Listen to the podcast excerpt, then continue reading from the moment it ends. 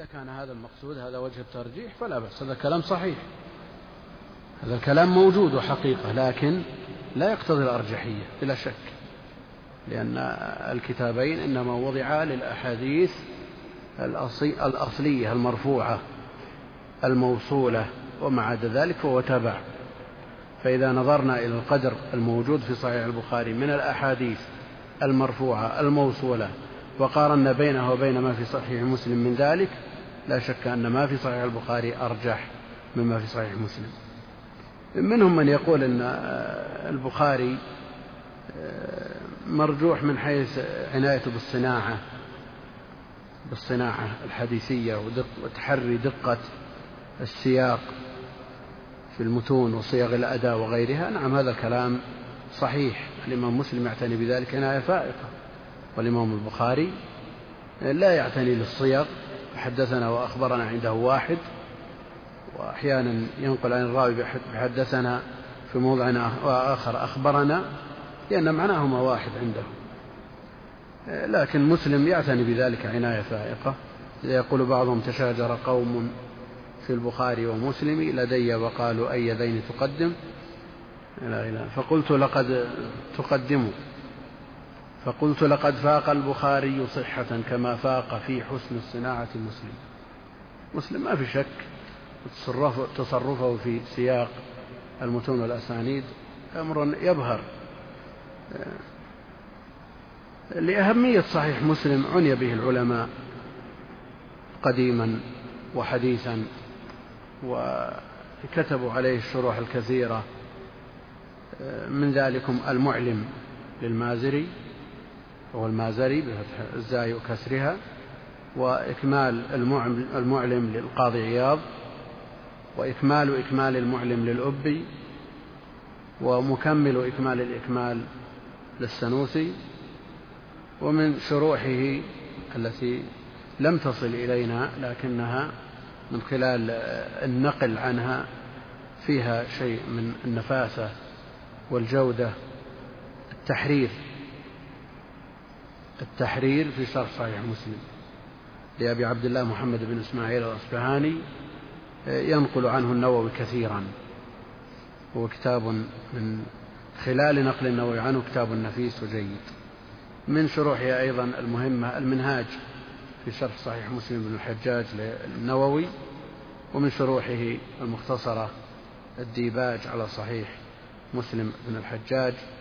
للسيوطي من المعاصرين من شرح الصحيح شرحا وافيا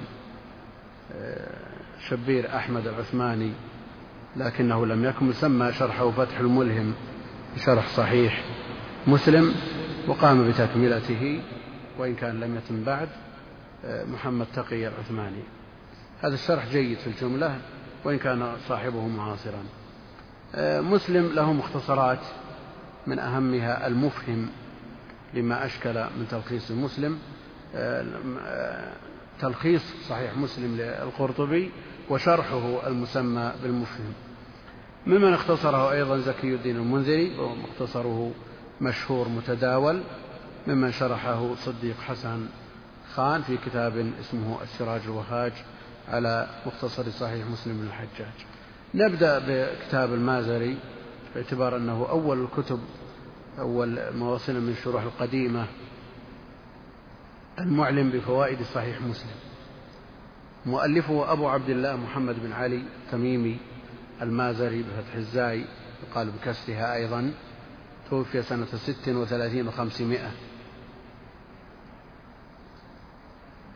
المازري في المعلم لم يقصد تأليف كتاب يقصد به شرح صحيح مسلم ابتداء لكنه في درسه لصحيح مسلم يثير بعض الفوائد والتعليقات ويمليها على الطلبة أثناء قراءتهم عليه فلما فرغوا من القراءة عرضوا عليه ما كتبوه فنظر فيه وهذبه فكان ذلك سبب تأليف هذا الكتاب. يعني على ما هو موجود الآن الطلبة يسجلون ويكتبون عن الشيخ ثم بعد ذلك يفرغون ما آه، ذكره الشيخ في الأشرطة ثم يعرض على الشيخ فيقره فيصير كتابا. هذه طريقة المازري المازري ما جلس لتأليف شرح على صحيح مسلم وإنما هي فوائد نقلت عنه في الدرس ثم عرضت عليه. قال القاضي عياض إن كتاب المعلم لم يكن تأليفا. استجمع له مؤلفه وإنما هو تعليق تعليق ما تضبطه الطلبة من مجالسه وتتلقفه عنه. ولا شك أن المعلم بداية انطلاقة لشرح صحيح مسلم. فقد بدأت الشروح بالظهور من عصر المازري ولم يعرف شيء منها قبل ذلك. فالمعلم هو أقدم الشروح التي وصلتنا الآن. من شروح صحيح مسلم. من منهج المازري في المعلم أنه لم يتعرض لشرح المقدمة مقدمة صحيح مسلم رغم أهميتها. لم يتعرض عليها على شرح لشرحها وإنما علق في مواطن ستة أو سبعة وهي مواطن يسيرة بالنسبة للمباحث المقدمة. ما يمتاز به صحيح مسلم هذه المقدمة النفيسة في علوم الحديث المازري ما ما شرحها المازري في شرحه لأحاديث الباب الباب عند الإمام مسلم يحتوي على أحاديث كثيرة.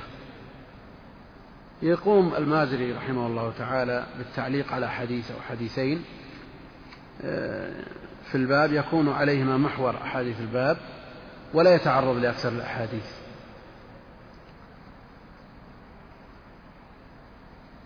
لم يذكر باعتباره تعليق وليس بتأليف لم يذكر جميع الفوائد المتعلقة بالأحاديث التي تعرض لها وإنما اقتصر على نكت يراها تحتاج إلى بيان في مجال الحديث رواية ودراية. وأكثر اهتمام المازري منصب على الأحكام الفقهية وتفسير الغريب واللغة. المازري لم يلتزم في تعليق في تعليقاته ترتيب الأحاديث في صحيح مسلم. ولذا يقول القاضي عياض في إكماله وكان في المعلم تقديم وتأخير عن ترتيب كتاب مسلم. يورد أحيانا الألفاظ المختلفة بين رواة الصحيح. يعنى بالمسائل الفقهية فاستنبط من الحديث مباشرة ولا يكثر من ذكر أقوال الفقهاء. يهتم بمسائل العقيدة التي اشتملت عليها بعض الأحاديث لكن مع الأسف الشديد اعتماده على العقيدة من من وجهة نظر الأشاعرة. ويرد على مخالفيهم أيضا ويأتي في المثال ما يقرر ذلك. يعنى بالمباحث اللغوية عناية كبيرة والكتاب مطبوع في ثلاثة أجزاء صغيرة. لتحقيق محمد الشاذلي النيفر. نأتي بما يتعلق بالمعلم من إكماله وإكمال إكماله ومكمل الإكمال ثم نرجع إلى النووي ومن بعده. إكمال المعلم مؤلفه أبو الفاضل عياض بن موسى بن عياض اليحصبي أو اليحصبي وقد يقال بضمها أيضا. السبتي أو السبتي كما يقال البصري والبصري لكن الفتح أشهر المالكي القاضي المتوفى سنة أربع وأربعين وخمسمائة. ألفه القاضي عياض إكمالا لكتاب المعلم. هذا الكتاب ألفه القاضي رحمه الله تعالى تكميلا لكتاب المعلم للمازري. تلبية أيضا لرغبة كثير من تلاميذه الذين لمسوا من درسه في الصحيح الفوائد الجمة والزيادات المهمة. التمس منه الطلبة أثناء تدريسه لصحيح مسلم أن يشرح الكتاب شرحا مستقلا نظرا لما لكثرة ما يبديه لهم ويذكره من الفوائد والشوارد والنفائس التمسوا منه ذلك فاعتذر أولا لانشغاله بالقضاء ثم لما ترك القضاء اتجه إلى التأليف. في البداية قد عزم على تأليف كتاب مستقل في شرح مسلم لكنه رأى أن من العدل والإنصاف آه، لسابقيه أن يجعل الكتاب مكملا للنقص الكثير الوارد في المعلم مع اعتماده أيضا على تقييد المهمل للجياني. آه، لا شك أن الاعتراف بالسابق أمر مهم. ينبغي أن يربى عليه الطلبة فإذا كان هذا من مثل القاضي عياض الذي يستطيع أن يؤلف ابتداء آه، مثل ما كتبه تبعا أو أفضل إلا أنه من باب الاعتراف للسابقين. يعني الإنسان يأنف أن يتعلق بأذيال غيره بل يكتب ابتداء. لكن الحافظ بن حجر أكثر مصنفاته آه، تبع لغيره مع إمامته. إما أن يختصر كتاب أو يعلق عليه أو ينكت عليه. هذا من باب الاعتراف. والسبق له وزنه عند أهل العلم في مطلع الألفية لما تكلم على ألفية بن معطي. وأن ألفيته الإمام بن مالك وأن ألفيته فائقة ألفية بن معطي قال وهو بسبق حائز تفضيلا مستوجب ثنائي الجميلة. السبق لا شك أن السابق له فضل على اللاحق له فضل كبير على اللاحق يفتح له الأبواب. والكلام في هذا طويل. يعني شيخ الإسلام رحمه الله تعالى لما سئل الشيخ محمد رشيد رضا عن شيخ الإسلام وهل هو أعلم من الأئمة الأربعة أو دونهم؟ قال الإمام شيخ الإسلام تخرج على كتب الأئمة الأربعة وكتب أتباعهم فلهم الفضل عليه من هذه الحيثية. ولكونه رحمه الله أحاط بما كتبوه وما كتبه أتباعهم فهو أوسع منهم من هذه الجهة. المقصود أن السابق له الفضل على اللاحق الإنسان لا يولد متعلم إنما يستفيد ممن سبقه. القاضي عياض في كتابه شرح المقدمة شرحا وافيا. وشرح أيضا ما لم يتعرض إليه المازني.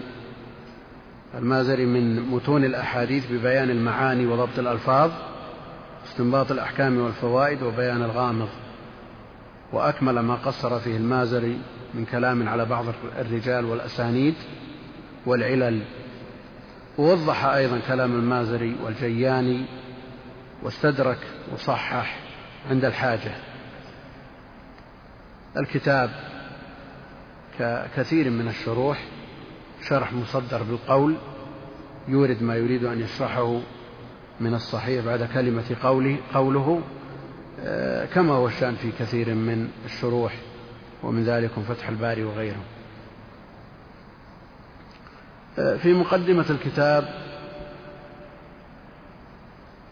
ذكر القاضي عياض رحمه الله السبب الباعث على التأليف وأنه اعتمد على كتاب المازري وكتاب تقييد المهمل لأبي علي الجياني. ثم ذكر أسانيده التي يروي بها صحيح مسلم. ثم بدأ ينقل ما في المعلم.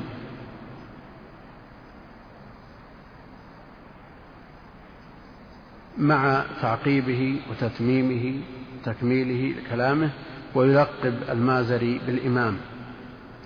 فإذا قال القاضي عياض قال الإمام فمراده المازري.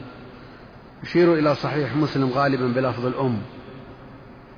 فيقول ذكر في الأم أو جاء في الأم. كلام وإن كان يعني يوهم أن أنه الأم للشافعي لكن الأم واحدة الأمهات. نعم. مستفيض عند أهل العلم أن الكتب الستة يقال لها الأمهات الست. فلا نستغرب أن يقال لصحيح مسلم الأم. نعم بلفظ المفرد استعمال نادر لكن المجموع استعمال شائع. قال أمهات الست. هذا معروف عند أهل العلم. لكن لكتاب واحد يقال الأم هذا غريب وهو ملبس أيضا حيث أن للإمام الشافعي كتابا اسمه الأم. وقول الناس الأمهات الذي يراه بعض أهل التحقيق أن جمع أم في غير بني آدم بدون هاء. في بني آدم يقال أمهات. وبذلك جاء القرآن والنصوص.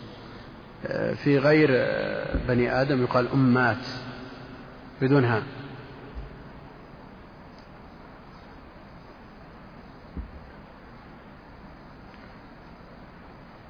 ثم ساق ترجمة مختصرة في عيون من أخبار الإمام مسلم وبيان فضل كتابه وقيمته وثناء الأئمة عليه ثم شرح المقدمة ثم بدأ بشرح كتاب الإيمان ثم الطهارة فهكذا إلى آخر الصلاة. إلى آخر الصحيح.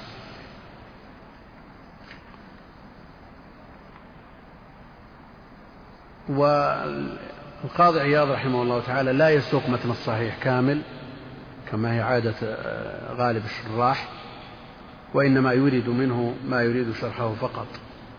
الطبعات الجديدة تورد الصحيح كامل. وهو أيضا لا يضع تراجم للأبواب. ما التزم أن يترجم لكل لجميع الأبواب وإنما أحيانا إذا كان الحديث طويلا قال باب حديث كذا أو ذكر حديث كذا ذكر حديث الإسراء ذكر حديث التيمم وما أشبه ذلك. إذا كان الحديث طويلا إنما التزام جميع التراجم كما فعل النووي أو غيره لا.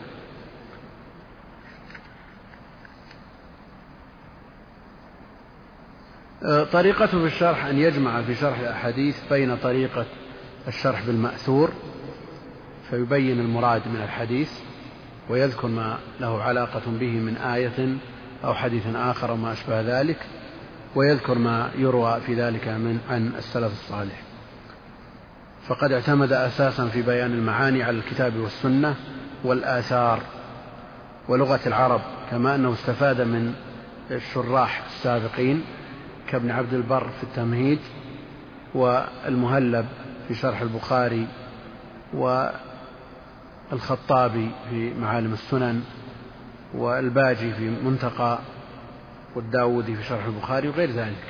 هذه من أهم مصادر القاضي عياض في شرحه. على أن القاضي عياض رحمه الله لم يكن مجرد ناقل بل كان ناقدا بصيرا ممحصا خبيرا فكثيرا ما يتعقب غيره بإصلاح الغلط وبيان الوهم. القاضي عياض رحمه الله تعالى مالكي المذهب كما هو معروف. غالبا ما يرجح مذهب الإمام مالك لكنه يخرج عنه ويرجح غيره إذا كان الدليل بخلاف ما رآه الإمام مالك. وهذا من إنصافه رحمه الله. بالنسبة لمسائل الاعتقاد قاسم يشترك فيه آه، المازري والقاضي عياض والأبي والسنوسي وأيضا النووي كلهم يشتركون على أن على تقرير مسائل الأسماء والصفات أو الأسماء والصفات على مذهب الأشاعرة كلهم. آه، قبل ما نذكر شيء من هذه الصفات هنا مسألة في صدر الصحيح. الإمام مسلم رحمه الله تعالى يقول فإذا عزم لي تمامه فإذا عزم لي تمامه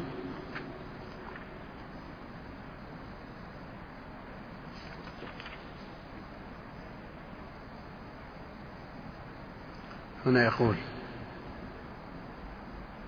وظننت حين سألتني حين تجشم ذلك أن لو عزم لي عليه وقضي لي تمامه كان أول من يصيب نفع أو نفع ذلك إياي خاصة. يعني أول من يستفيد المؤلف في التأليف أول من يستفيد المعلم في التعليم. هذا معنى كلامه لكن ما معنى عزم لي؟ والفعل مبني المجهول من فاعله؟ يقول قال الإمام هذا القاضي عياض يقول قال الإمام يقصد المازري. لا يظن بمسلم يعني بالإمام مسلم أنه أراد لو عزم الله لي عليه.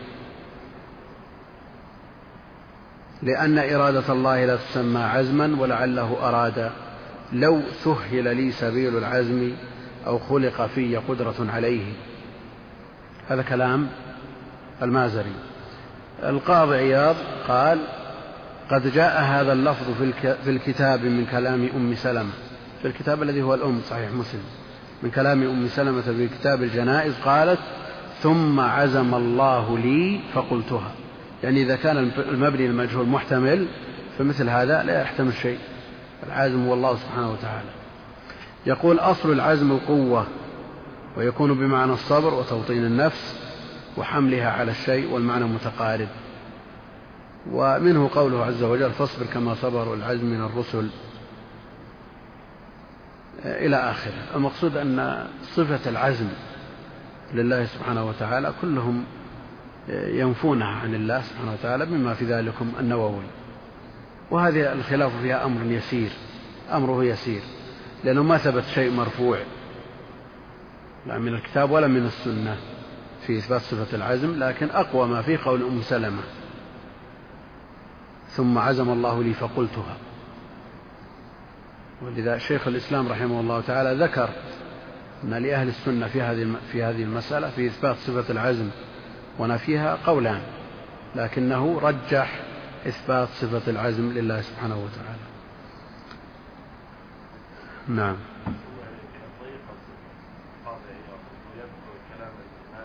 نعم. ثم يكمل عليه هنا. غالبا غالبا. قد يقول إلى آخره.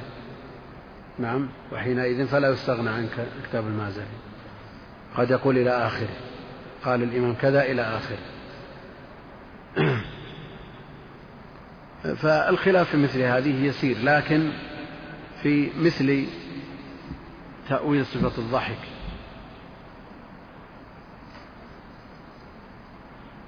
لقوله عليه الصلاة والسلام لا يزال يدعو. يعني آخر الناس دخولا الجنة. يقول في الحديث صحيح مسلم لا يزال يدعو حتى يضحك الله منه. فإذا ضحك منه قال ادخل الجنة.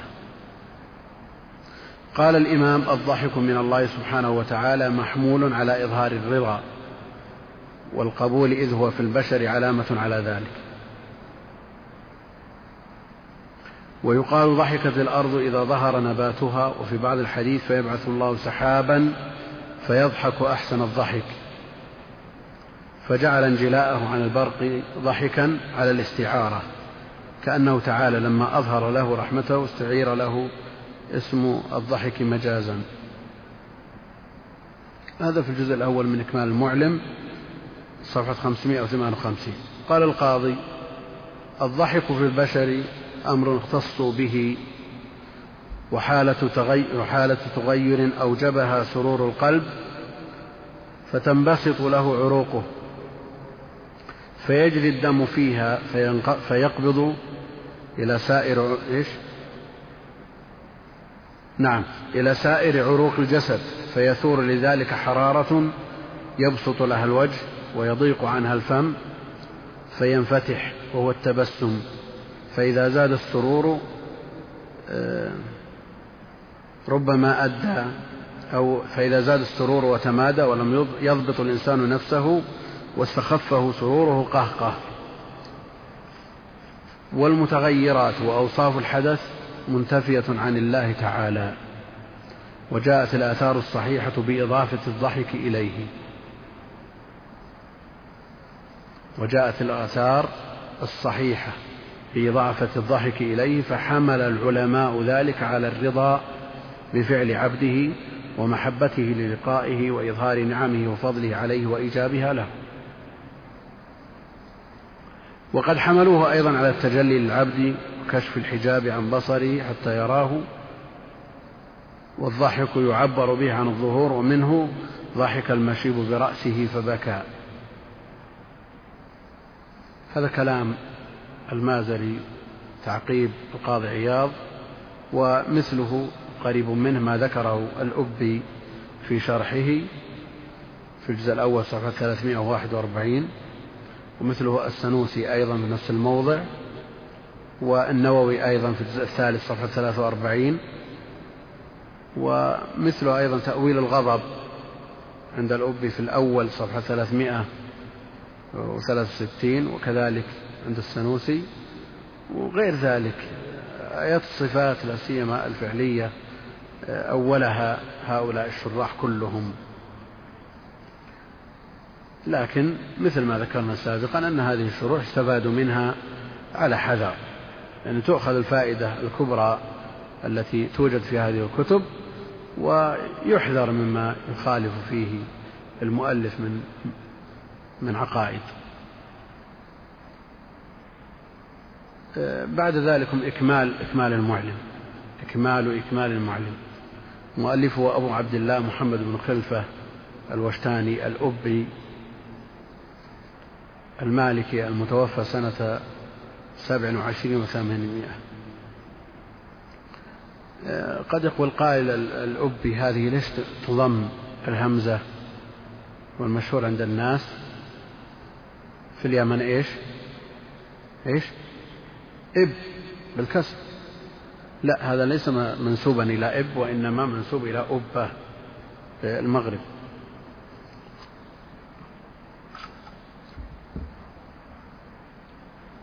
يقول في مقدمته أما بعد فإن هذا تعليق أمليته على كتاب مسلم ضمنته كتب, كتب شراحه الأربعة المازري وعياض والقرطبي والنووي.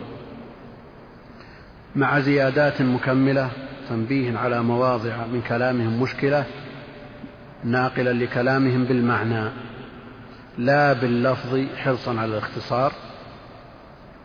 مع ما في ذلك من بيان ما قد يعسر فهمه من كلام بعضهم لتعقيده.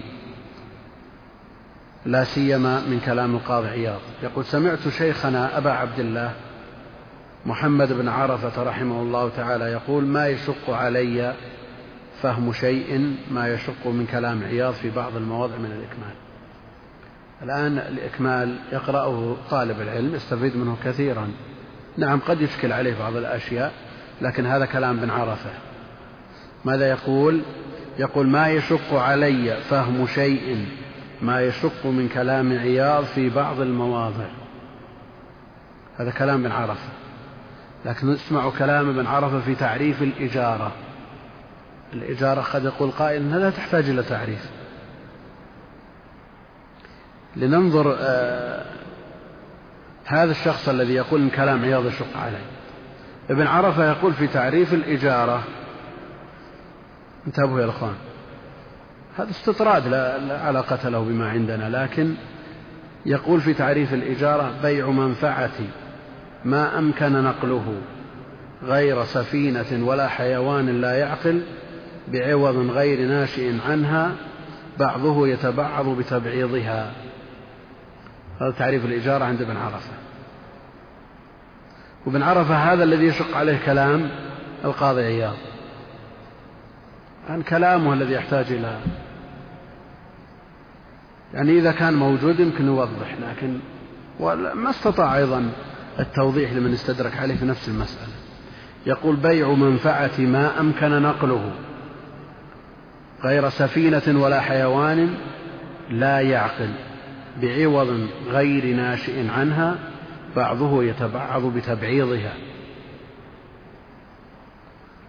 فاعترض عليه أحد تلاميذه بأن كلمة بعض تنافي الاختصار وأنه لا ضرورة لذكرها فتوقف الشيخ يومين ثم أجاب بما لا طائل تحته. هذا الذي يقول مثل هذا الكلام المعقد يقول إنه يشكل عليه فهم كلام القاضي عياض. بالنسبة لهذا الكلام كلام القاضي عياض يصلح للمبتدئين من سهولته ووضوحه.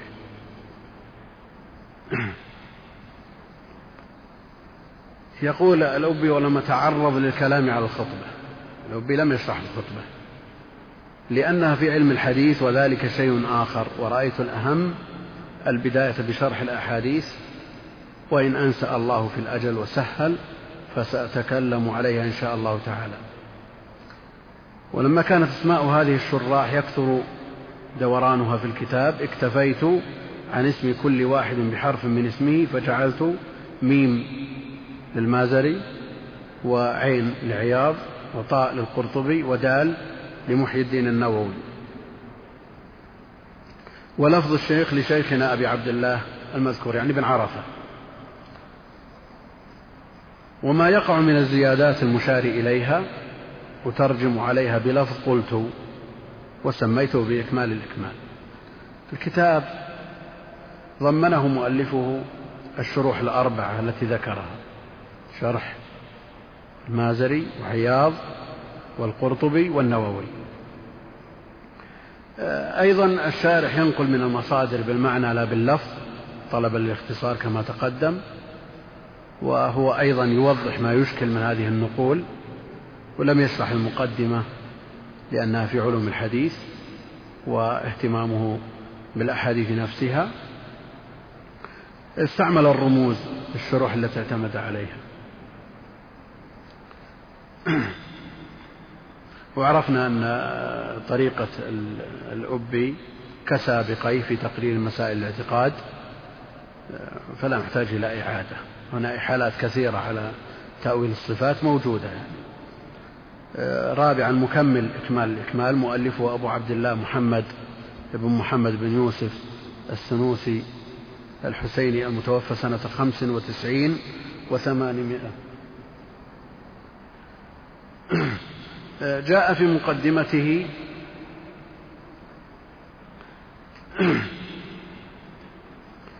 يقول كان من أحسن شروح صحيح مسلم وأجمعها شرح الشيخ العلامة أبي عبد الله الأبي رحمه الله تعالى. أردت أن أتعلق بأزيال القوم وإن كنت في غاية البعد منهم إلا أن يمن الوهاب تعالى باللحاق بعد اليوم.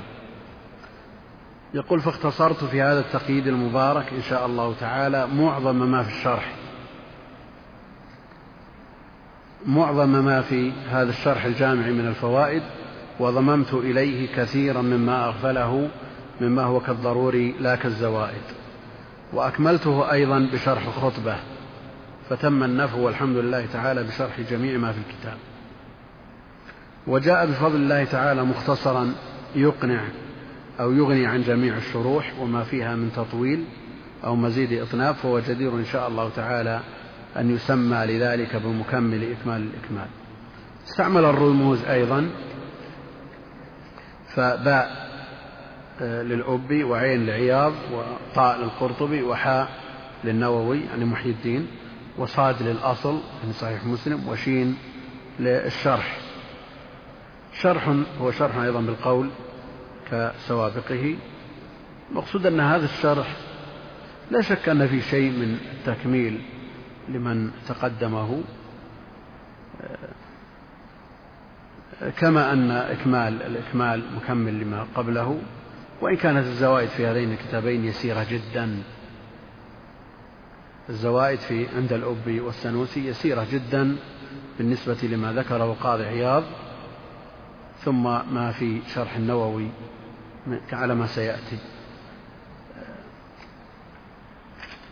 يعني لو قيل على ما نقتصر في بالنسبة للبخاري قد تقدم ذكره نقول الذي لا يريد أن يقتني إلا شرح واحد فعليه بفتح الباري. وإن كان قد يحتاج في غالب الأحوال أو يحتاج في كثير من الحالات إلى القسطلاني لضبط الألفاظ. فإذا جمع بين إرشاد الساري وفتح الباري اكتفى بهما عن غيرهما.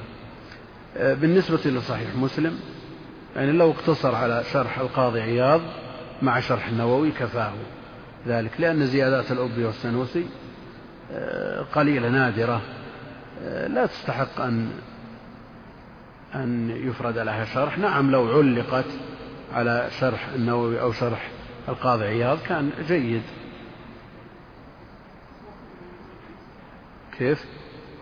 المفهم فيه زيادات فيه بسط لكثير من المسائل الفقهية والأصولية وما يتعلق باللغة العربية لكنه ليس بشرح للصحيح إنما هو شرح للمختصر لكن يستفاد منه في فهم الصحيح بلا شك.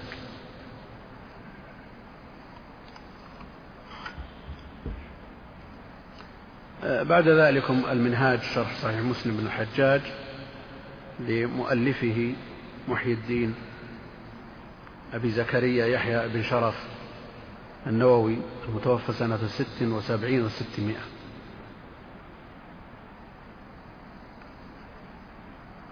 عن كم؟ ست وسبعين وستمائة. مولده متى؟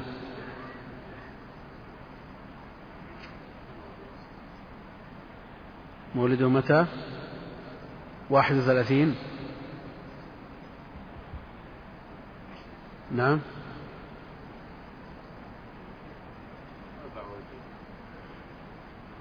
كم؟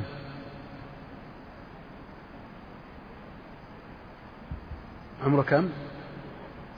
نعم خمس عن خمس وأربعين سنة. كل مولده سنة إحدى وثلاثين وستمائة. خمس وأربعين سنة. قد خلف هذا العلم العظيم الذي يستفاد منه منذ تأليف هذه الكتب إلى يومنا هذا في مشارق الأرض ومغاربها. سيما الأذكار رياض الصالحين شرح مسلم شرح مهذب كتاب عظيم. لو لو قدر تمامه لا أغنى عن كثير من كتب الفقه.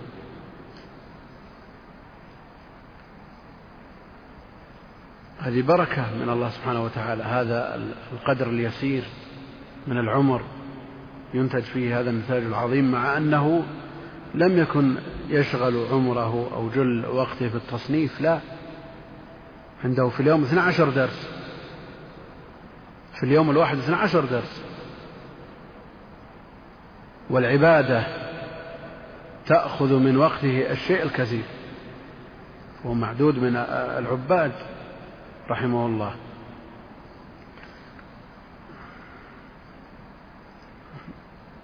ما يعتذر الشخص بأنه مشغول أو إذا قيل له ما تحضر الدرس الفلاني قال أنا والله مرتبط أنا مشغول أشغالي كثيرة أو طلب منه تأليف تعلل بأعذار واهية.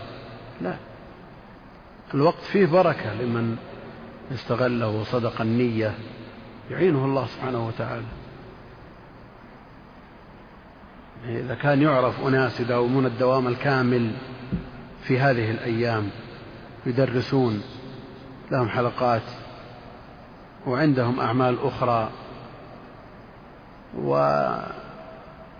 ويوجد وإن كان نادر من يختم القرآن ممن هذه صفته كل يوم. ويزور المقابر في كل أسبوع يزور المستشفيات يصل الأرحام. ودوامه كامل يعني من ثمان إلى ثنتين إعانة من الله سبحانه وتعالى وإلا أكثر الناس يضيع عمره سدى فالنووي من هذه الشاكلة. مؤلفات قصر عمر عبادة تذكر آه، كثرة دروس آه، شفاعات كثيرة جدا لذوي الحاجات عند الولاة. حتى أنه آه، أمر بالكف عن هذه الشفاعات فما امتثل. رحمه الله. الإمام النووي رحمه الله تعالى افتتح كتابه بمقدمة أوضح فيها منهجه في شرحه وأنه آه، شرح متوسط بين المختصرات والمبسوطات. آه، لا من المختصرات المخلات ولا من المطولات المملات. يقول ولولا ضعف الهمم يعني كما قال في شرح البخاري ولولا ضعف الهمم وقلة الراغبين آه، وخوف عدم انتشار الكتاب لقلة الطالبين المطولات لبسطته فبلغت به ما يزيد على مئة من المجلدات. من غير تكرار ولا زيادات عاطلات بل لكثرة فوائده وعظم عوائده الخفيات والبارزات إلى أن قال فأذكر فيه إن شاء الله تعالى جملا من علومه الزاهرات من أحكام الأصول والفروع والآداب والإشارات الزهديات وبيان نفائس من أصول القواعد الشرعيات. يقول وإيضاح معاني الألفاظ اللغوية وأسماء الرجال وضبط المشكلات وبيان أسماء ذوي الكنى وأسماء آباء الأبناء والمبهمات تنبيه على لطيفة من حال على لطيفة من حال بعض الرواة وغيرهم واستخراج لطائف من خفيات علم الحديث من المتون والأسانيد المستفادات وضبط جمل من الأسماء المؤتلفات والمختلفات والجمع بين الأحاديث التي تختلف ظاهرا ويظن بعض من لا يحقق صناعتي الحديث والفقه وأصوله كونها متعارضات. وأنبه على ما يحضرني في الحال في الحديث من المسائل العمليات وأشير إلى الأدلة في كل ذلك إشارات إلا في مواطن إلا في مواطن الحاجة إلى البسط للضرورات.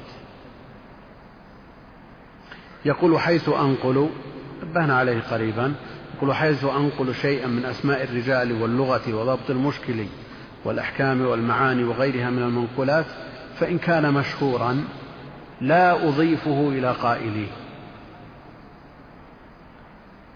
لكثرتهم إلا نادرا لبعض المقاصد الصالحات يعني إذا أردت أن تشير إلى من قال بالكلام المشهور يحتاج أن تعدد جميع أهل العلم أو جل أهل العلم إلا من خالف في هذه المسائل. أما المسائل غير المشهورة النادرة يقول وإن كان غريبا أضفته إلى قائليه إلا أن, إلا أن أذهل عنه في بعض المواطن لطول الكلام أو كونه مما تقدم بيانه في الأبواب الماضيات.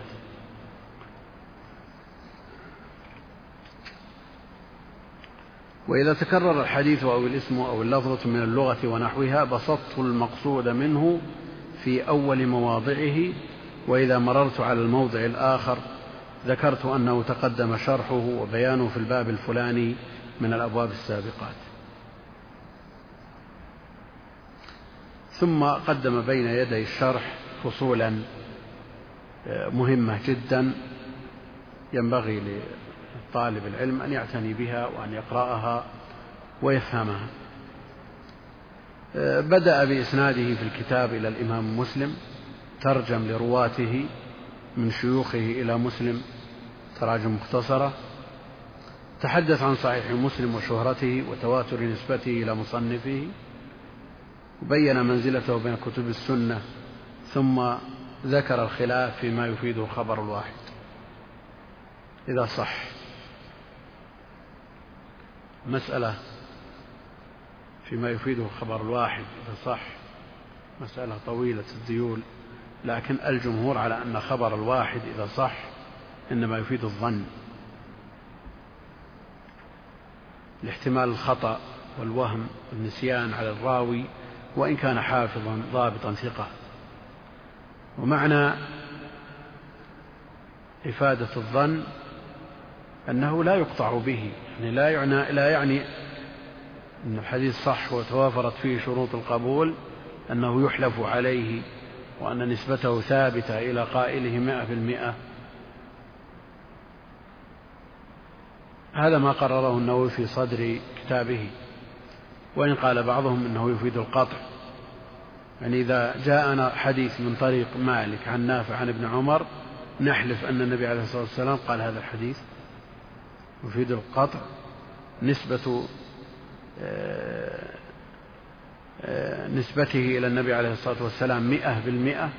ألا يحتمل أن نافعا وهم؟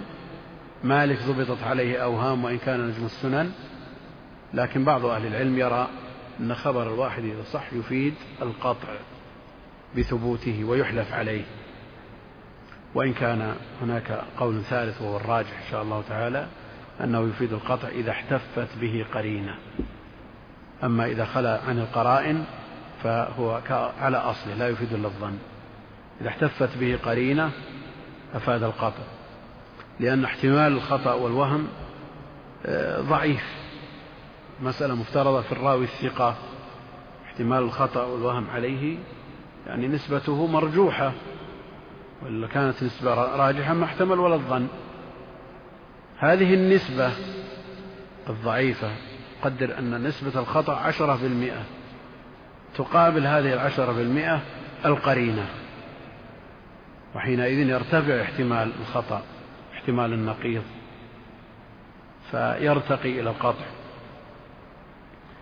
والمسألة مهمة ومبحوثة في كثير من الكتب ولا محظور في كون خبر الواحد إذا صح يفيد الظن لأنه وإن كان يفيد الظن إنه فيجب العمل به.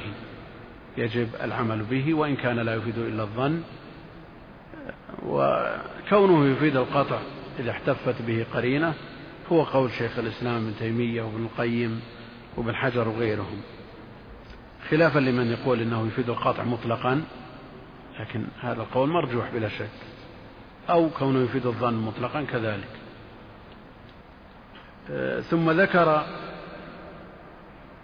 مراد الإمام مسلم في تقسيمه الأحاديث إلى ثلاثة أقسام أحاديث صحيحة وبيان مراتب الرواة عنده. ثم ذكر بعض المسائل الاصطلاحية كالحسن والحسن كالصحيح والحسن والضعيف والمرفوع والموقوف وزيادات الثقات والتدليس والاعتبار والمتابعات والشواهد والاختلاط والناسخ والمنسوخ ومعرفة الصحابة والتابعين ورواية الحديث بالمعنى وغير ذلك. وهذا الشرح على اختصاره لا شك أنه عظيم النفع جم الفوائد لا يستغني عنه طالب علم لإمامة مؤلفه وحسن انتقائه وجمعه تنبيهاته العجيبة ولطائفه النفيسة. الحافظ بن حجر له نكت على هذا الشرح والشرح لا شك أنه قابل للتنكيت قابل للحاشية أن تبسط مسائله توضح والمؤلف رحمه الله تعالى شافعي المذهب يرجح مذهب الشافعي غالبا وينتصر له وقد يرجح غيره لا سيما إذا قوي دليل مخالف وهذا من إنصافه. أما في مسائل الاعتقاد فهو على ما تقدم في سوابقه أنه يقرر مذهب الأشاعرة في الصفات ولا يسلك مسلك السلف في إمرارها كما جاءت وهذا لا شك أنه قدح في الكتاب لكنه يستفاد من الكتاب بقدر ما فيه من فوائد ويعرض عما فيه من أو يعلق لو تيسر من يعلق على جميع الكتاب فيما يخالف في منهج السلف الصالح. وأما الإعراض بالكلية عن الكتاب هذا ليس بمنهج سليم. شيخ الإسلام رحمه الله تعالى اعتذر عمن هذا مسلكه. في مجموع الفتاوى بأعذار كثيرة حتى أنه اعتذر عمن يظن كثير من طلبة العلم أنه يحرف النصوص. يعني مثلا فرق بين النووي في تأويله مسائل الصفات مع ما نعرفه عنه من حسن القصد وبين ما يسلكه الرازي في تفسيره من تأصيله وتقريره وتقعيده فهو مجتهد مذهب. مجتهد عند الأشاعرة. يقرر هذا هذا المذهب بقوة ويدافع عنه ويناضل ويرمي من يخالفه بالعظائم. يعني في تفسير الرازي آه، في تفسير قوله تعالى ليس كمثله شيء يقول وصنف محمد بن إسحاق بعد أن رماه بأبشع الألفاظ يعني ابن خزيمة كتاب في سماه كتاب التوحيد والأولى أن يسمى كتاب الشرك. يقول شيخ الإسلام رحمه الله تعالى الناس يشكون في صدق نيته والذي يغلب على الظن أنه يعمل بما بلغه وفهمه من النصوص. كلام من شيخ الإسلام يعني إذا كان يقال مثل هذا الكلام في الرازي وصنيعه مثل ما سمعتم فكيف بمثل النووي بن حجر وغيرهم ممن عرف حسن مقصده وسلامة منهجه في اتباعه للسنة وعنايته بها. ولا شك أن الكلام على صحيح مسلم وشروحه يحتاج إلى شيء من البسط وشيء من الزيادة لكن الوقت لا يحتمل أكثر من ذلك. وغدا إن شاء الله تعالى نعرض باختصار لشروح سنن أبي داود والنسائي وبعده لشروح سنن الترمذي وابن ماجه والله أعلم وصلى الله وسلم وبارك على نبينا محمد وعلى آله وصحبه أجمعين. بسم الله الرحمن الرحيم الحمد لله رب العالمين وصلى الله وسلم وبارك على نبينا محمد وعلى آله وصحبه أجمعين. هذا يقول هل الأفضل لطالب العلم أن يقرأ مختصر, مختصر الصحيح أو أصله مع الأسانيد؟ إذ بقراءة المختصر يختصر الوقت.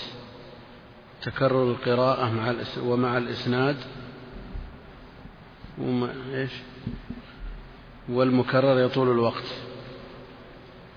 وقد لا يستفيد الطالب من قراءة الإسناد خاصة للصحيحين لأن رجالهم أجازوا القنطرة.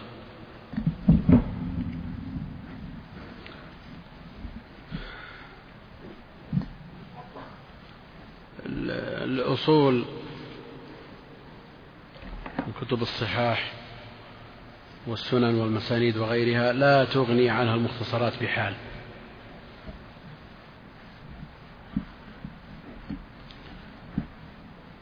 نعم الطالب غير المتخصص أو الطالب المشغول بأمور أخرى غير العلوم الشرعية لو اقتصر على المختصرات كان جيدا بالنسبة له لأن الوقت لا يستوعب قراءة الأصول. أما المكررات في الكتب الأصلية ذكر الأسانيد ذكر الطرق المتابعات والشواهد هذه أمور لا يستغني عنها طالب العلم بل لا بد له منها. وكون رجال الصحيحين على وجه الخصوص جاوز القنطرة كما قال أهل العلم لا يعني أنه ينبغي أن لا يعتنى بهم. يعتنى بهم. هؤلاء الرجال رووا أحاديث خارج الصحيحين. فهل حكم روايتهم للأحاديث خارج الصحيحين مثل الأحاديث التي رواها في الصحيحين؟ بمعنى أن من رجال البخاري مثلا أبو عوانة الوضاح بن عبد الله يشكري لو جاءت روايته في سنن أبي داود هل معنى هذا أن روايته في القوة في سنن أبي داود في حكم آه، رواية البخاري قوة؟ أو أن الشيخين انتقيا من أحاديث الراوي ما وفق عليه لا سيما من وجه إليه شيء من النقد. وعلى هذا فكون الراوي من رجال الصحيحين لا يؤخذ قضية مسلمة إذا روى خارج الصحيحين. لأن الشيخين مع شدة تحريهما وانتقائهما للرجال خرجوا لرواة تكلم فيه من قبل غيرهم. تخريجهم لهم في الشواهد مثلا أو فيما توبعوا عليه ووفقوا عليه. وعرف أنهم ضبطوه.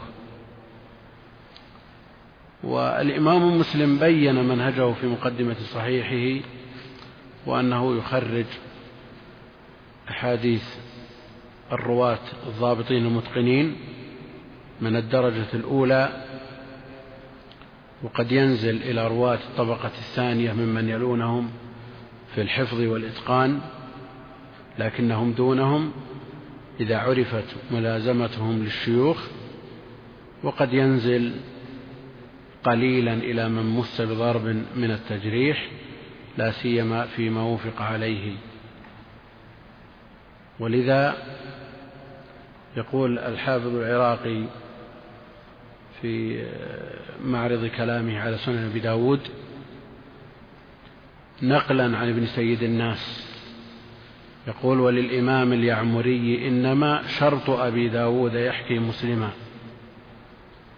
حيث يقول جملة الصحيح لا توجد عند مالك والنبلاء فاحتاج أن ينزل يعني الإمام مسلم فاحتاج أن ينزل في الإسناد إلى يزيد بن أبي زياد. يعني قول أبي داود ذكرت الصحيح وما يشبهه ويقاربه.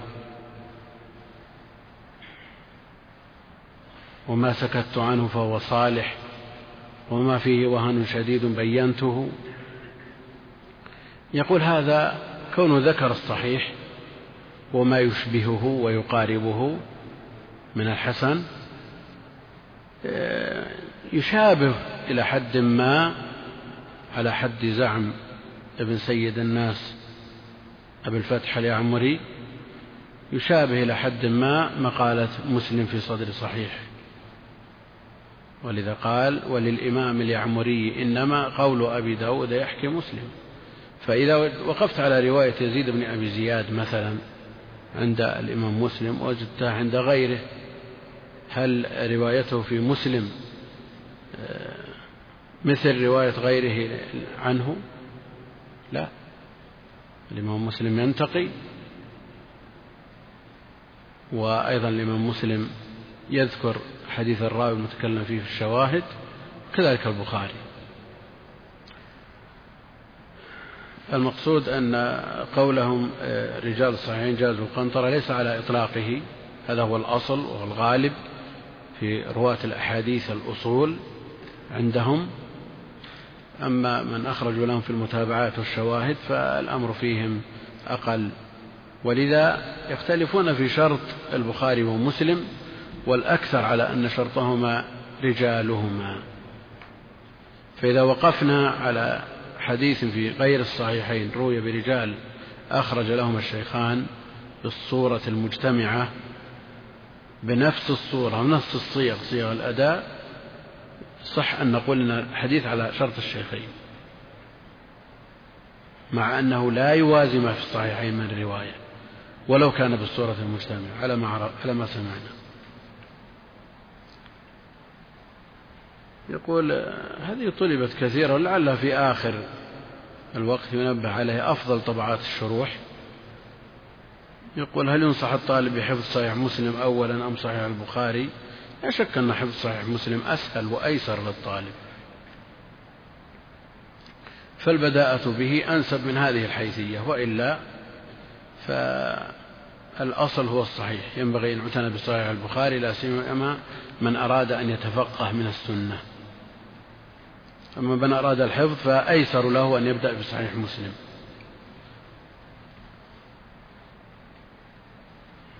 يقول درست أن مسلما وضع الصحيح بدون تراجم للأبواب وكذلك النووي في شرحه. لا النووي في شرحه وضع تراجم. تراجم للشرح لا لأبواب الأصل لا. ولذا فإن إدخال هذه التراجم في الأصل خطأ. فعله محمد فؤاد عبد الباقي وغيره. لكنه الكتاب في الأصل لم يترجم أخلاه مؤلفوه من التراجم. لكن الشراح اجتهدوا في وضع تراجم كل وضع تراجم خاصة.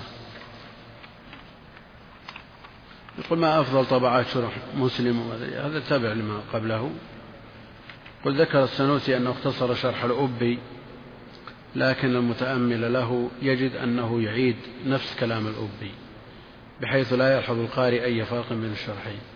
لا توجد فروق تذكر بين هذين الشرحين وبين غيرهما من الفروع من الشروح التي تقدمتهم مما يزعم أنه تكميل لها. نعم هناك تعليقات يسيرة من الأبي على القاضي عياض ومن السنوسي أيضا على الأبي لو جردت هذه التعليقات وعلقت كل طالب يعني يعلق على نسخته ما يستحق أن ينقل من هذه الشروح وإلا كله تكرار في تكرار. يعني ما يوجد في الأبي والسنوسي مكرر مع ما عند القاضي عياض. يقول هل هناك شرح متوسط أو مختصر لكتاب اللؤلؤ والمرجان فيما اتفق عليه الشيخان لا يوجد. هناك كتاب اسمه زاد المسلم فيما اتفق عليه البخاري ومسلم لكنه مرتب على الحروف ويصعب الاستفادة منه. وترتيبه أيضا على الحروف في شيء من الخلط وعليه حاشية وشرح لا بأس به لمؤلفه شنقيطي من الشناقطة. وعلى كل اللؤلؤ والمرجان في بابه كتاب نفيس أنفس من زاد المسلم. فيمكن آه، مطالعة شروح الأحاديث من الشروح المعتبرة. من فتح الباري وشرح النووي مثلا. يقول لو تكرمتم بذكر أهم الشروح التي لا يستغنى, لا يستغنى عنها الكتب الستة مع ذكر الطبعة التي تنصحون باقتنائها وكذلك أفضل الطبعات المسانيد والله هذا آخر المقام إن شاء الله ينبه على شيء من ذلك. وحقيقة لا أدري هل أتمكن قدم من تكملة الكلام على بقية الكتب أو نضطر إلى إضافة عصر الجمعة. فإن استطعنا بها ونعمة فإن لم نستطع فلعلنا نتدارك البقية في عصر الجمعة.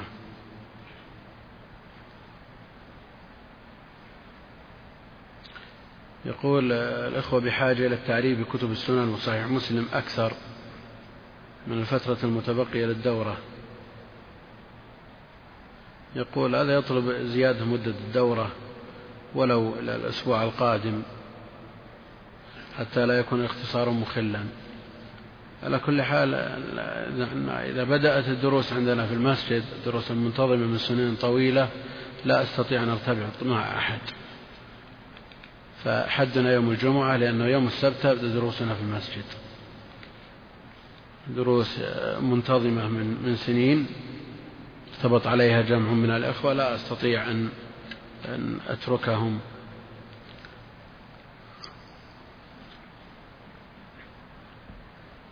فنبدأ بسنن أبي داود وشروحه.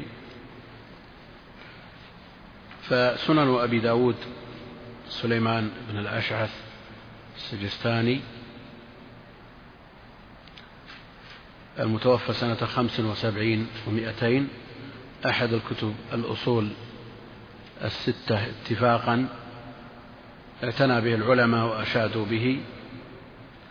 يقول ابن القيم رحمه الله تعالى في مقدمة تهذيبه ولما كان كتاب السنن لأبي داود رحمه الله من الإسلام بالموضع الذي خصه الله به بحيث صار حكما بين أهل الإسلام وفصلا في موارد النزاع والخصام فإليه يتحاكم المنصفون وبحكمه يرضى المحققون فإنه جمع شمل أحاديث الأحكام ورتبها أحسن ترتيب ونظمها أحسن نظام مع انتقائها أحسن انتقاء واطراحه منها أحاديث المجروحين والضعفاء. ويقول المنذري فإنه يعني السنن سنن أبي داود أحد الكتب المشهورة في الأقطار وحفظ مصنفه وإتقانه وتقدمه محفوظ عن عند حفاظ الأمصار وثناء الأئمة عليه وعلى مصنفه مأثور عن رواة الآثار. والكتاب آه، من آه، بالمحل المعروف عند أهل الحديث وهو ثالث الكتب عند جماهير العلماء وإن قدم بعضهم سنن النساء عليه لكن المعتمد عند أهل العلم أن سنن أبي داود يقدم على سنن النساء فإنه أنظف أسانيد. وذكرنا أن ابن سيد الناس زعم أن سنن أبي داود بمنزلة أو ينبغي أن يكون بمنزلة أو قريب من صحيح مسلم وهذا ذكرناه سابقا. لا شك أن ابن سيد الناس لم يوافق على ذلك لأن أبا داود لم يكلف نفسه انتقاء الرواة والروايات مثل الإمام مسلم. يقول أبو سليمان الخطابي في معالم السنن كتاب السنن لأبي داود كتاب شريف لم يصنف في علم الدين كتاب مثله وقد رزق القبول من الناس كافة. فقد صار حكما بين فرق العلماء وطبقات الفقهاء على اختلاف مذاهبهم وعليه معول أهل العراق وأهل مصر وبلاد المغرب وكثير من أقطار الأرض. يقول وأما أهل خراسان فقد أولع أكثرهم بصحيحي البخاري ومسلم ومن نحى نحوهما في جمع الصحيح على شرطهما إلا أن كتاب أبي داود أحسن آه، رصفا وأكثر فقها. هو أقرب حقيقة أقرب فائدة لمن أراد أن يتناولها بدون عناء من صحيح البخاري. صحيح البخاري فيه شيء من المشقة للطالب المبتدئ أما سنن أبي داود فالفائدة منه متيسرة لكن دون هذه الفائدة النظر في ثبوت حديث بخلاف ما في الصحيحين من أحاديث فإنه لا يحتاج إلى أن ينظر فيهما. ويقول ابن رسلان في مقدمة شرحه ينبغي للمشتغل بالفقه وبغيره الاعتناء بسنن أبي داود. فإن معظم أحاديث الأحكام التي يحتج بها فيه مع سهولة تناوله وتلخيص أحاديثه وبراعة مصنفه واعتنائه بتهذيبه. ولا شك أن سنن أبي داود مظنة للأحاديث الصحيحة والحسنة وفيه الضعيف خفيف الضعف وفيه شديد الضعف إلا أن ما كان ضعفه شديدا فقد التزم الإمام أبو داود بيانه كما في رسالته إلى أهل مكة. قال ومن مظنة للحسن جمع أبي داود أي في السنن. فإنه قال جمعت فيه ما صح أو قارب أو يحكيه. وما به ضعف شديد قلته. نعم. يقول وما إيش؟ وحيث لا فصالح خرجته. المقصود أن الكلام على سنن أبي داود يطول كذلك بقية السنن. ولأهمية هذا الكتاب حظي من العلماء قديما وحديثا بالشروح والتعليقات والمختصرات. فشرحه جماعة من الأئمة اختصره آخرون. فممن شرحه أبو سليمان الخطابي في كتابه الشهير معالم السنن. شرحه أيضا النووي لكن شرحه لم يتم. وشرحه مسعود بن أحمد الحارثي وهو أيضا لم يكمل. وممن شرحه مغلطاي وهو أيضا لم يكمل. وممن شرحه أحمد بن محمد بن هلال المقدسي. وشرحه أيضا الإمام أبو زرعة أحمد بن الحافظ العراقي رحمه الله ولكنه أيضا لم يكمل وممن شرحه أحمد بن رسلان الرملي الشافعي وهذا شرحه كامل وموجود وممن شرحه أيضا بدر الدين العيني كتابه أيضا طبع أخيرا وهو ناقص شرحه أيضا باختصار شديد السيوطي في مرقاة الصعود وهناك حاشية لأبي الحسن السندي اسمها فتح الودود. وهناك أيضا شرح لم يكمل أيضا لأبي الطيب محمد شمس الحق العظيم بادي اسمه غاية المقصود. وأيضا هناك عون المعبود على خلاف في مؤلفه لكن الأكثر على أنه لصاحب غاية المقصود. وهناك كتاب اسمه بذل المجهود. لخليل بن أحمد السهارنفوري ومن المتأخرين ممن شرحه الشيخ محمود خطاب السبكي في كتابه المنهل العذب المورود ونقتصر على الكلام على بعضها خمسة أو ستة منها فقط. فمن ذلك معالم السنن. مؤلفه تقدم ذكره في أعلام الحديث أو أعلام السنن أبو سليمان حمد بن محمد الخطابي البستي المتوفى سنة ثمان وثمانين وثلاثمائة ألفه الخطابي إجابة لمن سأله ذلك جاء في مقدمته أما بعد فقد فهمت مساءلتكم إخواني أكرمكم الله وما طلبتموه من تفسير كتاب السنن لأبي داود سليمان بن الأشعث وإيضاح ما يشكل من فنون ألفاظه أو من متون ألفاظه وشرح ما يستغلق من مبانيه وبيان وجوه أحكامه والدلالة على مواضع الانتزاع والاستنباط من أحاديثه والكشف عن معاني الفقه المنطوية في ضمنها لتستفيدوا إلى ظاهر الرواية لها باطن العلم والدراية بها. يقول قد رأيت الذي ندبتموني له وسألتموني من ذلك أمرا لا يسعني تركه كما أنه لا يسعكم جهله ولا يجوز لي كتمانه كما أنه لا يجوز لكم إغفاله وإهماله. فقد عاد الدين قريبا كما بدأ وعاد هذا الشأن دارسة أعلامه خاوية أطلاله وأصبحت رباعه مهجورة ومسالك طرقه مجهولة. ثم قسم من ينتسب إلى العلم في زمانه إلى قسمين أهل حديث وأثر وأصحاب فقه ونظر.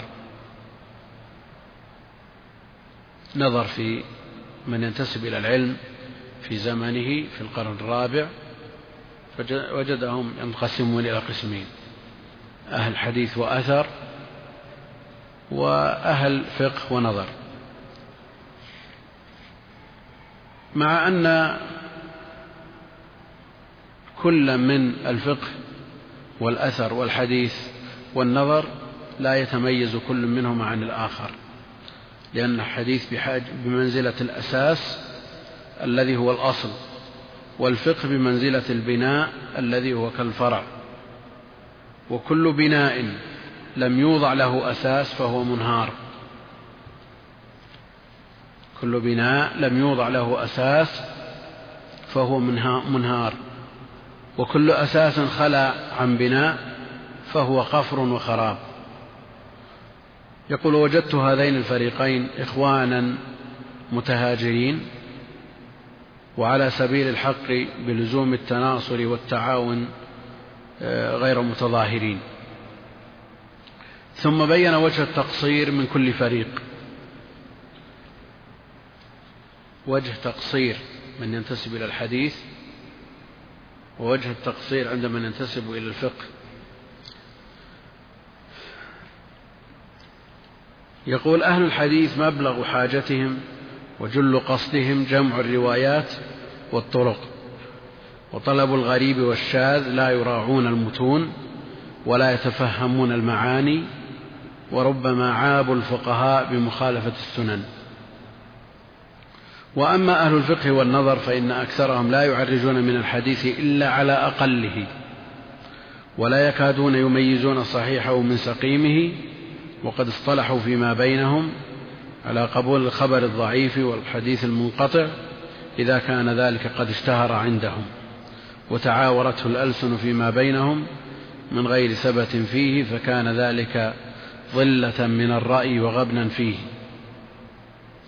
يقول هؤلاء يعني من ينتسب إلى الفقه من أتباع الأئمة يقول هؤلاء وفقنا الله وإياهم لو حكي لهم عن واحد من رؤسائهم أو من رؤساء مذاهبهم وزعماء نحلهم قول يقوله باجتهاد من قبل نفسه طلبوا فيه الثقة واستبرأوا له العهدة ثم ذكر الثقات من أصحاب الأئمة الذين يعول عليهم في نقل المذاهب إلى آخر كلامه رحمه الله وكلام نفيس جدا.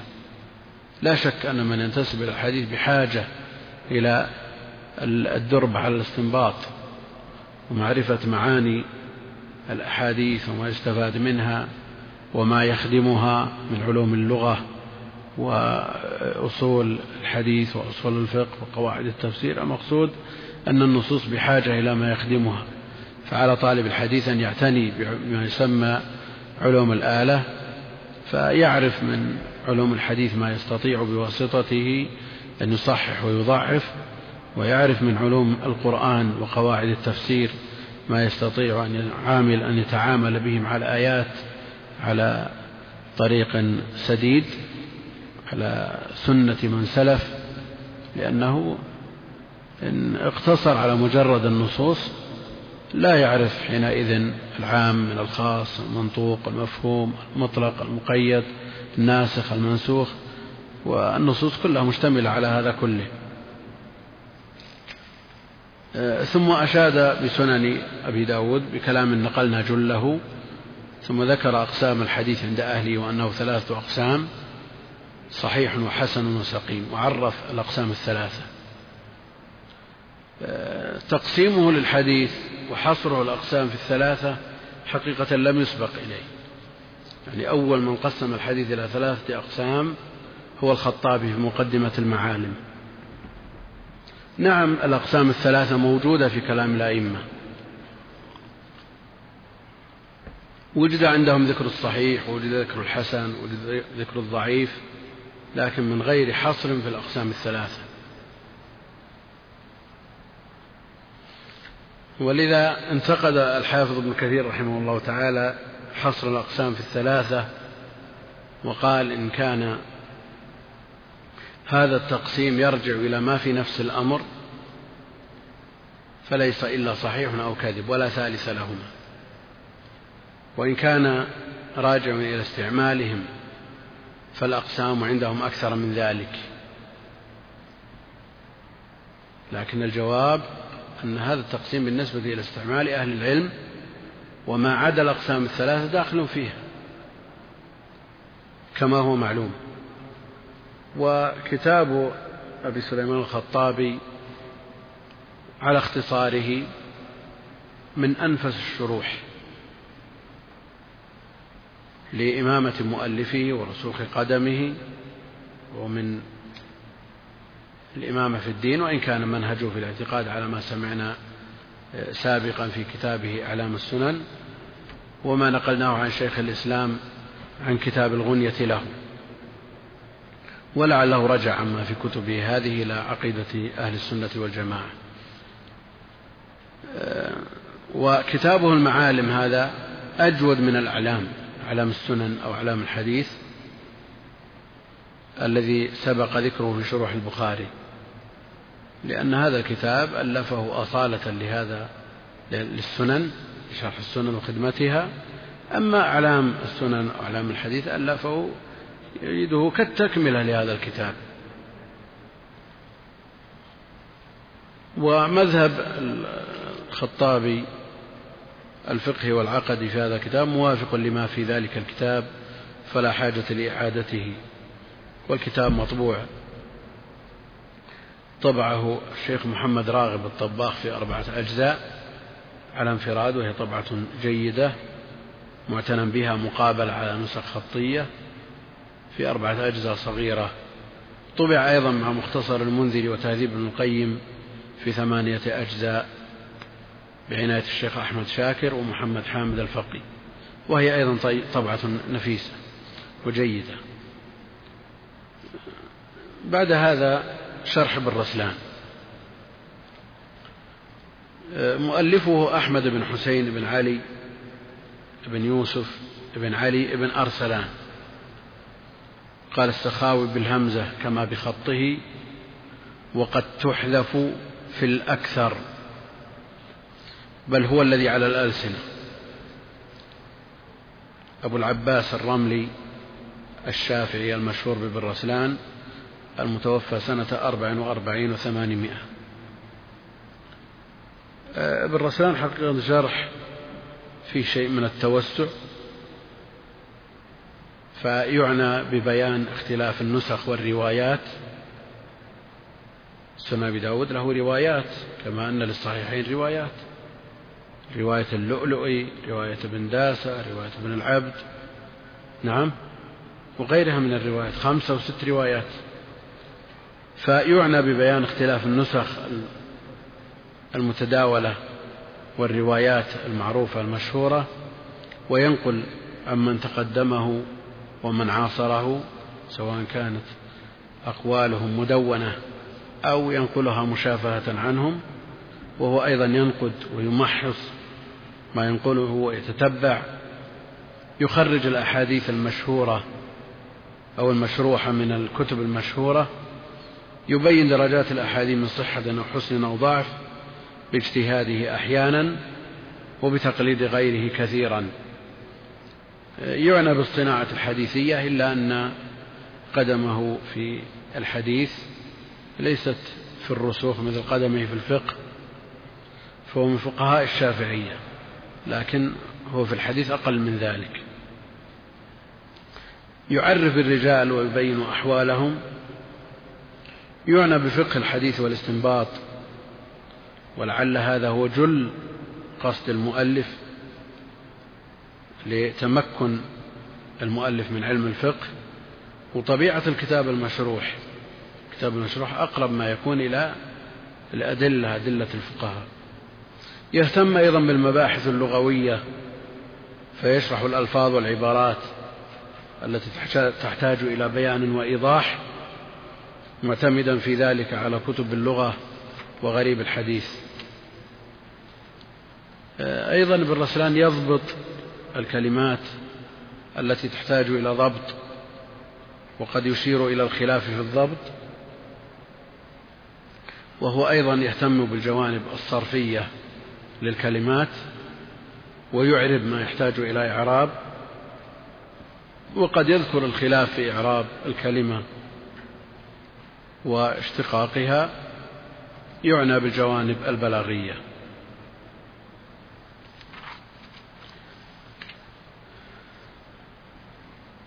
عرفنا أن ابن رسلان هذا شافعي المذهب. يرجح في الغالب مذهب الشافعية. وأما بالنسبة لمعتقده منهجه الذي سار عليه في هذا الكتاب في العقيدة فهو كغيره من غالب الشراح جرى على طريقة الأشاعرة في تأويل الصفات. من ذلكم أنه أول صفة الحياء بعدم الامتناع من بيان الحق. يقول فيطلق الحياء على الامتناع إطلاقا لاسم الملزوم على اللازم مجازا. وقال عن حديث النزول بأنه يوهم التشبيه إذ ذكر الرب بما لا يليق به من الانتقال والحركة فيجب تأويله على الوجه الذي يليق بصفاته. وهو أن يراد به إقباله على أهل الأرض بالرحمة والاستعطاف.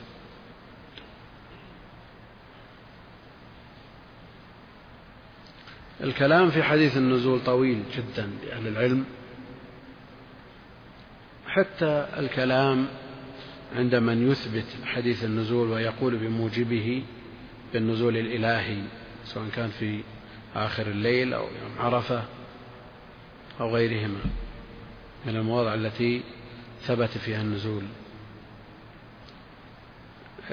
من جهة هل النزول يستلزم الحركة والانتقال وهل يخلو العرش من الرب سبحانه وتعالى عند نزوله أو لا يخلو؟ كلام طويل حرره وحققه شيخ الإسلام ابن تيمية رحمه الله تعالى.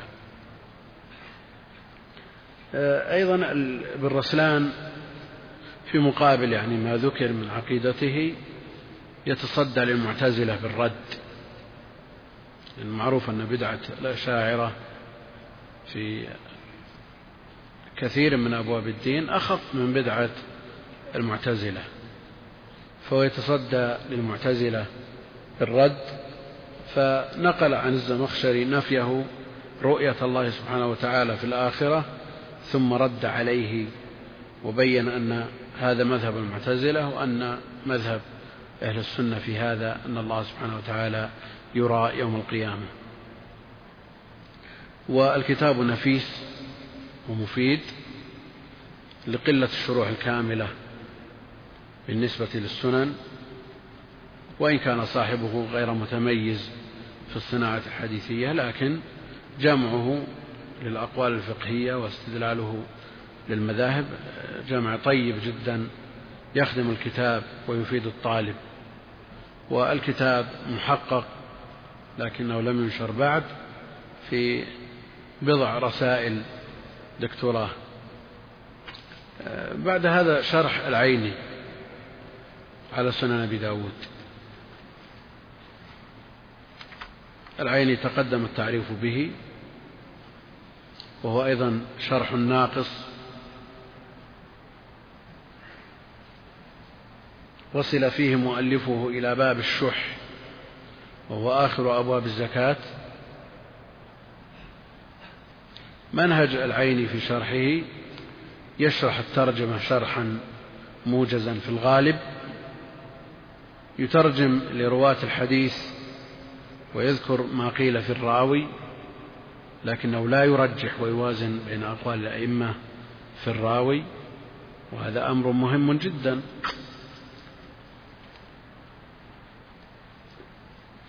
لأن مجرد النقل لأقوال الأئمة لا يعجز عنه أحد. المهم الخروج بالنتيجة الدقيقة الصائبة من أقوال أهل العلم في الراوي. تأخذ دراسة الأسانيد القسط الأكبر من الشرح يبين معاني ألفاظ الحديث ويستدل لما يميل إليه من معنى بالمرويات الأخرى أو بالروايات الأخرى. آه، يذكر ما يستفاد من الحديث ويتعرض لكلام العلماء وانحيازه لمذهبه الحنفي ظاهر يعني مثل صنيعه في عمدة القاري. يذكر من أخرج الحديث مقتصرا في الغالب على الكتب الستة والموطأ والمسند ومصنف بن أبي شيبة. لا يهتم بالجوانب البلاغية من المعاني والبيان والبديع كما فعل في أوائل شرح البخاري. وهذا يصدق مقالة ابن حجر أنه اعتمد في أوائل شرحه على البخاري شرح الركن القريمي الذي اعتنى بهذه الجوانب. أنه لما انتهى شرح القريمي انتهت عناية العيني بهذه الأشياء. وعلى كل شرح العيني طبع أخيرا يعني القطعة الموجودة منه طبعت وفيه أيضا خرم يسير في أوله. بعد هذا عون المعبود.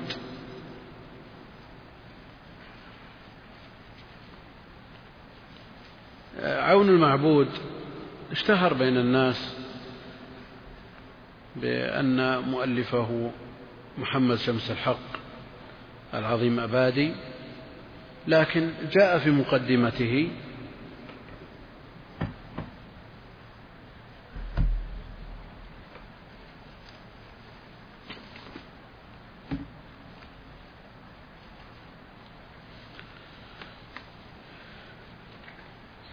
جاء في مقدمته بعد البسملة والحمدلة أما بعد فيقول العبد الفقير إلى الله تعالى أبو عبد الرحمن شرف الحق الشهير بمحمد أشرف بن أمير بن علي بن حيدر الصديقي العظيم أبادي يقول غفر الله له إن هذه الفوائد المتفرقة والحواشي النافعة على أحاديث سنن أبي داود جمعتها من كتب أئمة هذا الشأن. هذا كلام من؟ أبو عبد الرحمن شرف الحق الشهير بمحمد أشرف الصديقي. يقول جمعتها من كتب أئمة هذا الشأن رحمهم الله تعالى.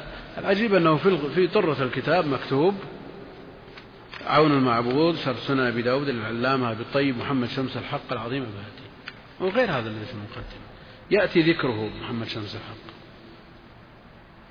جمعتها من كتب أئمة هذا الشأن رحمهم الله تعالى مقتصرا على حل بعض المطالب العالية وكشف بعض اللغات المغلقة وتراكيب بعض العبارات مجتنبا عن الإطالة والتطويل إلا ما شاء الله تعالى. وسميتها بعون المعبود على سنن أبي داود تقبل الله مني يقول بعد ذلك وأما الجامع لهذه المهمات المذكورة من الترجيح والتحقيق وبيان أدلة المذاهب والتحقيقات الشريفة وغير ذلك من الفوائد الحديثية في المتون والأسانيد وعللها. آه، هو يقول أخونا العلامة الأعظم الأكرم أبو الطيب محمد شمس الحق العظيم أبادي.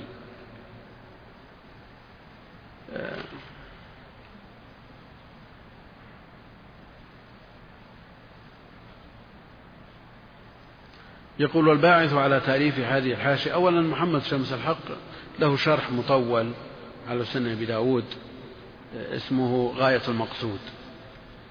وذكر هنا يقول الباعث على تأليف هذه الحاشية المباركة أن أخانا الأعظم الأمجد أبا الطيب شارح السنن ذكر غير مرة في مجلس العلم والذكر أن شرحي غاية المقصود يطول شرحه إلى غير نهاية.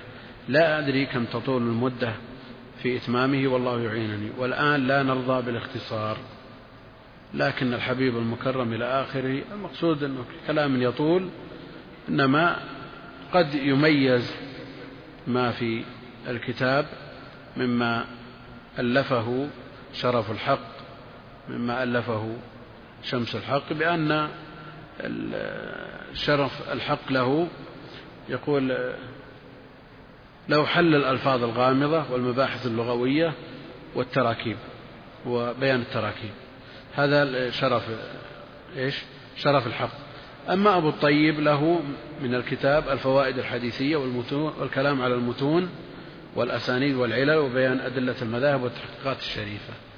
فعلى هذا يكون قد اشترك في تأليف الكتاب اثنان. جاء في آخر الجزء الثامن من مختصر شرح تهذيب سنن أبي داود لمحققه محمد حامد الفقي خاتمة لا بد منها. يقول وقد كان من أهم ما اعتمدت عليه في عملي في طبع مختصر السنن والتهذيب والمعالم عون المعبود لأنه أجمع شرح لسنن أبي داود. بل لعله أنفع شرح للأحاديث مطبوع وأوسعها إذا استثنينا فتح الباري. لكن واقع الكتاب بخلاف هذا الكتاب مختصر. سماه مؤلفوه حاشية. وليس بشرح مستوعب مستقصي. ولا شرح مختصر. يشرح الحديث الواحد في صفحة أو صفحتين. فكيف يقال أن هذا أوسع شرح للأحاديث مطبوع؟ لا. يعني باستثناء فتح الباري. يعني تجاهل الشروح الكبيرة لصحيح البخاري. يعني لا نسبة بينه وبين شرح العيني شرح العيني أطول. لكن هذا الكتاب على كل حال الذي هو عون المعبود شرح لسنن أبي داود نافع. له مزايا. يشرح الأحاديث بطريق المزج يمزج كلمات المتن في الشرح فيميز المهمل من الرواة ويسمي المنسوب. والمكنى ويضبط ما يحتاج إلى ضبط ثم يشرح الكلمات الغريبة التي تحتاج إلى شرح ثم يتكلم على فقه الحديث كل هذا باختصار. ثم يخرج الحديث معتمدا في تخريجه على كلام المنذر في المختصر. ومع هذا فهو شرح مختصر لا يستوعب جميع الكلمات ولا يعلق على رجال الحديث كلهم إنما يكتفي بضبط بعض الأسماء أو تسمية بعض المكنين أو المنسوبين. يعنى ببيان صحة الحديث وضعفه لكن لا عن اجتهاد إنما يعتمد في ذلك على غيره. وقد وصفه مؤلفه بأنه حاشية اجتنب فيها الإطالة وقصد بيان معنى أحاديث السنن دون بحث في ترجيح الأحاديث بعضها على بعض. إلا على سبيل الاختصار من غير ذكر أدلة المذاهب على وجه الاستيعاب إلا في المواضع التي دعت إليها حاجة. يتميز الكتاب بأنه شرح كامل للسنن كلها من أولها إلى آخرها. يظهر فيه أيضا اتباع المؤلف للنصوص وليس فيه تعصب لأي مذهب من المذاهب إنما يرجح على ما يقتضيه الحديث وهو في هذا متأثر تأثر كبير بالشوكاني. آه، أيضا هو في المعتقد على طريقة أهل السنة والجماعة يمر آه، نصوص الصفات ويثبتها على ما يليق بجلال الله وعظمته وهو أيضا يرد على معظمي القبور ممن فتن بها ويقرر السنة في كيفية وضع القبر كيفية الزيارة كما في الجزء التاسع صفحة 36 و 37 ينكر بعض البدع المنتشرة.